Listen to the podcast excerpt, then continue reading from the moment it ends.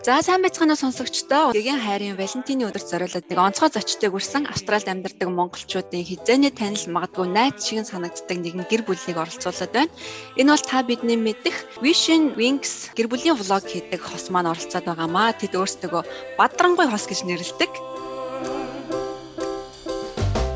Шагаад заяа хоёр урагдаад байна. Сайн уу? Баярын минь төргий. Сайн уу? Баярын минь. Сайн байна уу? Баярын минь Өнөөдрийн дугаараа би хосуудыг хамтдаа суугаад сонсоосоо гэж хүсэж байна. Ягаад гэвэл гадаадад гэр бүлээрээ бие дааж амьдрна гэдэг бол маш том хариуцлага, маш том давааг бид нар гэр бүлийнхаа одоо хайрын хүчээр гэдэг юм уу давж гарах хэрэгтэй болдог. Тэгээд магадгүй яг одоо нэгэндээ тунчсан амьдралын ачаа нуруугаа жоохон холгуулчхаа сууж байгаа хосууд байвал энэ ярилцлагыг маань сонсоорой. Манай хоёр зочин тэдэнд маань урам зориг өөрсдийн туршлагаасаа хуваалцсан гэж найдаж байна. Тэгээд гадаадад хосын харилцаа ямар байдаг болоо та хоёр энэ дээр ямар саналтай байна? За тэгэхээр бид хоёр бол анх амьдралаа бол эхэлж яхад Солонгост амьдарч исэн. Тэгээд Солонгост бол зөвхөн гэр бүл одоо Монгол жишээлбэл хоёр хосууд нийлээд гэр бүл болоход залуу хосууд эхний үед ойлголцохгүй зүйлүүд одоо их байдаг те хоёр өөр хүмүүжил хүлээс өссөн хүмүүс хамтарч амьдрахад асуудлууд их гардаг. Тэгтэл гадаад амьдарч хүмүүсийн хувьд бол тэр асуудал дээрээс нэмэгдээд одоо таньж мэдэхгүй газар хил усыг мэдэхгүй ажил төрөл соёлыг мэдэхгүй газар хөлөө болоод тэгээ өөрсдийгөө одоо хин нэгний тусламжгүйгээр авч явна гэд давхар давхар олон асуудлууд бас бий болдог. Тэгээ хүүхдээ өсгөх нь аа эхний хүүхдээ бол одоо аав ээж ах トゥ нар байхгүй үед одоо яаж хүүхд өсгөхийг ч мэдэхгүй те. Тэгэхээр ингээд маш олон зүйлүүдийг давхуцдаг учраас нэлээд хэцүү үеийг туулна. А тэр чинээгээрээ бид хоёрын бодлоор бол харилцаа маань илүү бат бөх болдог. Анхны тэр хэцүү үеийг давж иж одоо цаашдын үн удаан үргэлжлэх амьдралынх нь одоо үн цэсөөр нь бат бөх болдог гэж одоо бид тэр ойлгодог. За одоо эргээд бид тэр амьдралаа ингээд 10 гаруй жил хамтдаа байсан цаг хугацааг харахаар яг л тэр хэцүү цаг үеийн ачаар л бид хоёр одоо юу гэдэг би бинээ илүү сайн ойлгох юм болов гэж боддог шээ. За тэгвэл гадаадд амьдрах нь биднийг илүү бат бөх харилцаатай болгодог гэж эндээс ойлгож болох нь. Бидний хувьд бол нэг хамгийн том челленж бол гэр доторх үүргийг хуваарлах байдаг те ялангуяа за өнөөдөр ихнэр хүүхдээ аавна эхнэр одоо гэрээ цэвэрлэн энэ их ажлын хажуугаар ахаад орой хоолоо хийх үү яах уу гэх те. Тэгэхээр би биэндээ харилцан туслах тэр гэр доторх эрх үүргийг та яаж хуваарилдаг вэ? А гэхдээ ер нь бол хосууд бол хоёр өөр юм шиг надад санагддаг. Яаж хэдийн наснда амьдралаа эхэлснээс жишээлбэл бид хоёрын хувьд бол залуу наснда суугаад хүүхдтэй болцоосон учраас бит хоёр болохоор эхний үедээ болохоор санхугаа авч явахаас гадна гэр бүлийн харилцаагаа ингээд тогтнуулж одоо юу гэдгийг бит хоёр тэр тэр үедээ илүү их анхаарч одоо бат бөх болохт нь илүү анхаарад хамтдаа зүтгэсэн. А дараа нь болохоор тэр болохоор бит хоёр болохоор бүх юм хамтарч идэг гэсэн байхгүй. Тэгээд тэр үедээ бит хоёр яг гэр бүлээ бат бөх болгоцсон юм шиг надад санагддаг байхгүй.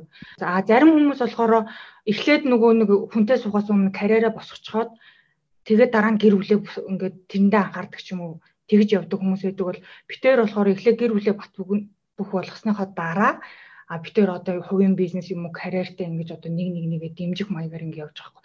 За одоо чиний ээлж одоо би ингэн а би энэний зэрэгцээ ийм юм ажиллуулна гэхээр заавал зайлшгүй одоо бүх юмыг балансыг барихад бол маш хэцүү учраас заримдаа одоо юу гэдгийг манай нөхөр одоо жишээлбэл компанитай компани хувийн одоо төмрийн компани ингэ нэг явж байхад жишээлбэл одоо сүүлийн нэг жил бол ерөнхийдөө нэг нөгөө хэлэхэд бол би бол баг сингл мам шиг л явж байгаа байхгүй. Гэхдээ бид хоёр энд энэ дээр тэглээгээд одоо ямар нэгэн асуудал үүсэх нь баг. Гэвэл бид хоёр эхний нэг үедээ гэр бүлийнхаа бат харилцаанд анхаарсан учраас одоо энэ маань тэгж байгаа шүү дээ. Энэ маань ядарч байгаа шүү дээ гэдгийг би ойлгож байгаа учраас энэ дээр нь илүү одоо гомдлоод шаардлага гардггүй гэх юм уу. Гэвэл энэ хүн одоо анхаарсныг энэ бүх юмыг ингэж хариуцаж чадахгүй бүх юмд ингээ баланс хандаад тэрийг нь чигээл энийг чигээд гүгээд чадахгүй учраас за миний хань одоо бас одоо ингээд нэг бизнес гэдэг бэбитэй болсон учраас тэрэндээ анхаарах хэрэгтэй гэдэг ч юм уу тэр үед нь надад одоо туслахгүй байх нь it's okay ягаад гэвэл үнэхээр завгүй энийгээ сайн хийх хэрэгтэй гэдгийг ойлгодог болох хэмжээний битээр харилцаа бат бөх болсон байхгүй юу А яг уу эхнээсээ ч гэр бүлийнхаа харилцаагч бат бөх болгоогүй хажуугаар нь бизнесээ чигээд ингээд нөхөр нь ингээд гэртээ анхаарал тавихгүй байгаа энэ хүмүүс бол их асуудал үүсэж байгаа санагдаад байгаа. Миний нэмэх юм байна. Тийм яг хоо эхний одоо бид хоёр бол нэг жил биш баг магадгүй 4 5 жил те солонгост байсан тэр цаг хугацаа бол бид хоёр хошноор бол бид тэр цэргийн ял паала гэж ярьдаг. Ягаад тэгэхээр одоо янз бүрийн асуудлуудаа тулгарч байсан. Тэгээ өөртөө л давах хэрэгтэй. Миний хажууд миний эхнэрээс хинч байхгүй. Эхнэрд маань одоо надаас өөр хайр халамжлах хинч байхгүй учраас бид хоёр яг ингээл хоорондын харилцаа нөгөө бондинг гэдэг чинь амар одоо тэг хүчтэй болсон. Тэг яг л тэрний ачаар одоо ингээд явж гарах жижиг сажиг аар сар зүйлсүүд ер нь баг би бинээ илүү хайрлсан байдлаар те ойлгосон байдлаар ханддсан болов гэж хардаг. Заяагийн хэлсэн single mom шиг амьдардаг гэдэг үг бол надад бүр амар зүрхэнд ингээд тусч ийн л та. Яг гэвэл Австралид бол нэг давуу тал нь бид нэр гэр бүлээрээ ирж амьдрах боломжтой байдаг. Тэгвэл нэг тал сул тал нь гэвэл dependent visa-тай хүмүүс бол бас сурах боломж бага ажил хийх цаг хязгаартай болох тэр яг л ар гэрээ авч үлддэг те. Тэгэхээр тэр нь хвчлээ ээжүүд хүүхдээ хараад гэртээ үлддэг нь тэдний хувь сэтгэл зүйн маш их одоо уналтанд ордог нэг тийм үе байдаг юм шиг надад санагдаад байдаг байхгүй эмэгтэй хүнийхээ хувьд за яаж энэ үеийг яаж давдаг вэ? Одоо яг үнийг хэлэхэд бол би яг тэр үе дээр явж байна. А гэхдээ энэ хэсэг бол би болгоно бүтээн гэж ингээл явдаг байсан. А заримдаа бас жоохон бухимдан л та би чамааг ингэж дэмжиж чинь би аар гэр ингэж авч явж гин. Яг үнд бол бүх хэрэлдэггүй гэр гэж бол гэр бүл гэж байхгүй. Тэр бол надад амар юм шиг санагддаг. А тэгээд тэр үед би нөхөртөө шууд илэрхийлдэг. За би ингэж ингэж чамааг дэмжиж би хүүхдийн ийм юмд анхаарч чинь чиний эрүүл мэнд би ингээ бүх юмыг харж үз чинь чи зөвхөн ажиллаа хийж чинь а гэхдээ намайг хэн хэм дэмжих юм бэ хэн намайг урмын үгээр тийм учраас чи ядаж надад урмын үг маш сайн хэлж байгаараа гэж би шууд юу хүсэж байгааг хэлдэг. Яагаад гэвэл манай нөхөр одоо зөвхөн нэг юмд анхаараараа гэчдэг. Дээрээс нь хоёрдугаарт эрэгтэй хүн чинь бас бидний бодлыг бас уншихгүй. Нэгдүгээр балтыг харагч биш юм чинь заавал хэлэхгүй бол энэ маань бас ойлгохгүй. Тийм учраас би шууд хэлдэг. Заримдаа ууралж хэлдэг, заримдаа уйлж хэлдэг. Тэгээд янз янзаар л хэлж үзнэ. А гэхдээ бол ямар нэгэн байдлаар хүний үнэт зүйл рүү найлуулах даахгүй байхыг л хичээнэ. Үзээтэй л жилээ дээ. Үзэлцэн үзэлцэн чинь амьдралын нэг хэсэг юм шүү. Би таарын влогийг хараад ингээ яриаг сонсоод тахад маш өөдрөг. Тэгээд хоорондоо их цаа ойлголцдог, ярилцдаг бол таарын гэр бүлийн гол жор юм болов уу гэж хараад байгаа юм л да. Тэгээд энэ ярилцах гэдэг зуршлыг гэдэг юм уу? Тогтоохын тулд бид нар яах ёстой вэ? Ер нь бол хүмүүс ингээд заяаны хантайгаа учирч амьдрал сайхан болдог, бүх юм нь хоорондоо ивэлж нийлээд явцдаг юм шиг юм төсөөлдөг. Тэгээ битээр юу гэж ойлгодгоо гэхээр заяаны хань гэж цаанаас одоо 7 тэрбум хүнд надтай таарах ганцхан хүн ч юм уу заяац юм ерөөсөй байдаггүй. Яг уулзсан учирсан тэр хүнийгээ заяаны ханаа гэж бодоод хоёр талаасаа одоо юу гэдэг хүчин чармалт гарах хэрэгтэй. Энэхүү харилцаагаа авч үлдэхийн тулд суралцах хэрэгтэй. За тэгээд ирчүүдийн хувьд бол мэдээж мэдрэмж эмгтэй хүмүүсээс бага байдаг учраас эхнэрээрээ уурлуулах, эхнэрээ гомдоох үе зөндөө гарна. Яг сая манай хүний хэлдгээр наад уйлж нэг хэлнэ, инээж нэг хэлнэ, загинж нэг хэлнэ. Гол нь тэр болгонд яах вэ гэхлээр угаасаа энэ миний заяа найн би энэ хүнтэй насыг барна гэд хоёр дахь сонголтгүйгээр хандсан хүмүүс бол хоорондоо ярилцаад эхэлдэг болов. Ягаад тэгэхээр би энэ хүнээс өөр хүн рүү очихгүй надад илүү дээр хинч олдохгүй энэ хүн надаас илүү хүн олдохгүй би биендээ энийг ойлгоцсон үед бол яаж одоо харилцаагаа авч үлдэх үү гэдэг л ганцхан бодол үлдэхээс биш би энээс салчвал яах вэ гэх мэд одоо хоёр дахь бодол байхгүй болчвол ярилцахаас өөр аргагүй байдалд орно. Тэгэхээр битээр бол одоо нэг насыг хамтдаа өнгөрөөнө гэдэг амлалтаа бол маш эрт хийцэн учраас яг л яаж эвлэрэх вэ? Дандаа л асуудлыг яаж шийдэх үү гэхээс биш энэ асуудлаас яаж зогтох вэ? Инээс салчуул яах вэ ч юм уу те. Тим яриа, тим одоо муудалцаан бол битээр гаргадаггүй. За бид нар бол Австралид амьдарч байгаа гэдэг утгаараа Австралид гэр бүлээрээ амьдрахын сайн тал болоо сул талын тухай ярилцъя. Бусад одоо улстай харьцуулахад те та яар Солонгост амьдарч байсан туршлагатай хүний хувьд Солонгос дээр бас яг 5 6 жил амьдарсан. Тэгээ яг үеийн тарихад бол за ядаад гэр бүлэрээ байхад нөгөө бие биендээ бас цөөхөн цаг ажилладаг болохоор солонгосыг бодвол за Монголыг бодвол ямар ядаад хөгжрээ гэдэг ахгүй болохоор илүү гэр бүлдээ цаг гаргана. Хажуугаар нь бас хурж боловсрох одоо юу гэвэл одоо бид нар чинь ингээл өхөө хөлөө сурах учраас одоо битэрийн хувьд бол байнга л одоо энэний хажуугаар энэ цаг гарвал юу хийх вэ? Энэний дараа юу битэр байнга ярьдаг. Тэгэхээр энэ бол битэр илүү солонгосыг бодвол одоо өдрийн 13 4 цаг ажилладаг байсныхаа бодвол үнэхээр их тийм гэр бүлдээ цаг гаргах боломжтой юм шиг санагддаг. А сул тал нь сайн тал нь гэвэл одоо эрүүл агаар, эрүүл хүнс байна А тэгээд нөгөө гол нь нөгөө боловсрал гэхээсээ илүү бас мэдрэмжтэй болгох тэр хүн болох тал дээр нь илүү анхаард юм болов уу гэж бодоод байгаа байхгүй би. Тий яг миний ань үг. Хүүхдийн хувьд бол ер нь тийм л дээ. Онлайн мэдлэгээр шахахаас илүүтэйгээр хүн өөрийгөө олж таних, юунд дуртайг нь олж илрүүлэх те. Тэр талаар нь илүү анхаарсан. Тэгээд тоглонгоо ингээд хичээлүүдийн заадаг гэх мэт хүүхдийн сургуулийн хувьд бол үнэхээр давуу талтай. Тэгээд манай хүн сая ерөнхийдөө хэлчлээ. Солонгос бол үнэхээр цаг наргүй ажилдаг ийм орн. Дэлхийд ч гэсэн одоо нэг workaholic team хүмүүсээрээ алдартай. Тэгэхээр нөгөө дээрэс нь жоох стрессний хувьд бол бас өндөр.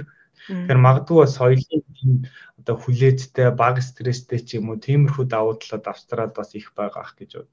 Ярилцлага маань яг удаа Австралид ирээд удаагүй байгаа осууд сонсч иж магадгүй те. Ер нь бол ингэж ярьдаг ч эхний 2 жил бол бид нар тасан зохицох гэж яг 2 жилийг зарцуулдаг аа. Энэ үе дотроо явж байгаа осуудад та юу гэж зөвлөх вэ? Тэгэхээр магадгүй шууд Монголоос ирсэн залуучууд байх юм бол хийж байгаа ажил чинь хэцүү санагдах ч юм уу те. Тийм зүйл гарах юм бол яг үнэндээ тийм биш ээ. Энэ үнэхээр амархан, үнэхээр сайхан газар те. Үнэхээр одоо өөрийн чинь байгаа нөхцөл байдал хамгийн муу биш гэдгийг нэгдүгürt ойлгох хэрэгтэй. Тэгээд байгаа зүйлүүд талархаад урам зоригтойгоор явах түнсэж за би хүний нутагт ирчлээ хэцүү ажил байна ядар чинь зүдэр чинь те ингэх юм бол энээс дор нөхцөл байдал дэлхий хаасаагүй байгаа. Тэгэхээр хитрхи бас өөрийгөө өрөвдөөрөө тэгэхээр гоё ирч хүчтэй хамгийн гоё боломжтой газар ирчлээ гэдгээ бас ойлгоод ажиллаж одоо амьдралынхаа төлөө зүтгэхээсэ гэж хүсэж байна тийм. А бас тэгээд нөгөө яг анх ирээд бол соёлын ялгаанууд байгаа учраас тийм одоо амар сэтгэл мэтгэл гэж хүн амтнаас хүлээх хэрэггүй зүгээр л профешнл яг хийх ёстой ажлаа хийж тэгэл инээмсэглээл тэгэл А тэгээд дээрэс нь би хэлэхэд бол бас нөгөө муухайгаар хэлбэл бүхсэн хамгаалах юмнуудаа байнга хам хийж явах хэрэгтэй. Би энийг одоо тэгсэн яг ингэсэн гэсэн нэг тийм байх ёстой шүү. Тэгээд хоорондоо хэцүү юм тулгарх юм бол ажил энэ төр дээр юм тулгарх юм бол би эндээсээ ярьж гараа дотроо ингээ хуваахгүй яваад ах юм бол яг анх ирээд өөр тийм ажил хийж байгаагүй шууд сургуулаа төгсөөд ирсэн хосуудад бол жоо хэцүү магадгүй. Тэгээ сайн бие биендээ ярилцаараа тэгээ үнэхээр бүх зүйл давуу болон сул тал байдаг гэдгийг хэцүү үедээ энэ бол зүгээр нэг хэсгэн зургийн үйл явдал гэдгийг энэ бүгд өнгөрдөг гэдгийг бас санаарай гэж дүү нартай юм уу анх ирсэн хүмүүстээ хэлмээр байна. Тэгээд дахиад нэг юм нэмээд хэлэхэд яг Монголоос ирж байгаа хүмүүс маань баг зэрэг нөгөө эго ихтэй байдаг те нөгөө Монголд гоё ажил офисын ч юм уу хүн болго өөр өөр юм мэрэгжилтэй хүмүүсэд бид нар ч адилхан өөр өөр байцгаас нь тий. Тэгээ ирээд ихэнх одоо хүмүүс маань барилгын ажил хийдэг ч юм уу нэг гараанаас эхэлдэг. Тэгэхээр нөгөө тэр эгогоо олж чадахгүй байх үед бол бусдтай жоох эвгүй сэтгэл үлдээх ч юм уу тий. Хүн өөрт чинь туслахыг яхад оо наадах чи мэднэ би ингэдэг тэгдэг гэх юм бол бас юм дургуутах сэтгэл бас төрдөг юм байлээ шүү. Тийм болохоор тэгээд яг нэг гараанаас эхэлж байгаа учраас аль болох тэг хүмүүсээс гоё удцсан хүмүүсээс ч юм уу зөвлөгөө аваад ингээд аль болох гаргасан алдааг нь давтахгүйгээр явахыг хичээвэл бас илүү өөрт нь хэрэгтэй болоо гэж бодож байна. Тийм шүү шагаата яг санаа нэг байна. Манай монголчууд ч бас ер нь ирсэн шинээр ирсэн хүмүүст аль болох чадх хадгаараа тусалдаг. Эргээд бас бие бинийгаа дэмжиж амьдрахыг хичээдэг. Энийг сонсоод та бүхэн бас дэрэгдээ байгаа монголчуудаа хандаараа хэцүү зүйл авил асууж лавлаараа манай SBS Mongoliaч бас хэрэгтэй хүмүүст айл болох туслахыг хичээдэг та бүхэнд анх ирж байгаа хүмүүст ялангуяа хуулийн зөвлөгөө яаж авах уу хүүхдээ яаж сургуульд өгөх гэх мэтчлийн мэдээллийг бид нар оруулдаг шүү. За тэгээд энэ удаагийн ярилцлага маань цаг өндөрлөж байна. Урилгыг мань хүлээж аваад маш сонирхолтой Илэн далангуу ярилцсан та хоёртай баярлалаа. Цаашдын гэр бүлийн амьдралд нь, бизнест нь, бүх зүйлд нь сайн сайхан бүхнийг хүсье. За баярлалаа. Тэгээд гоё ярилцлагандаа суурж оролцуулсан маш их баярлалаа. Тэгээд цаашдын ажил үйлсэд нь бас амжилт хүсье. Олон хүнд бас мэдээлэл өгч тусдсан болдог шүү. Баярлалаа. За баярлалаа. Сайхан баярлалаа. За баярлалаа. Баярлалаа.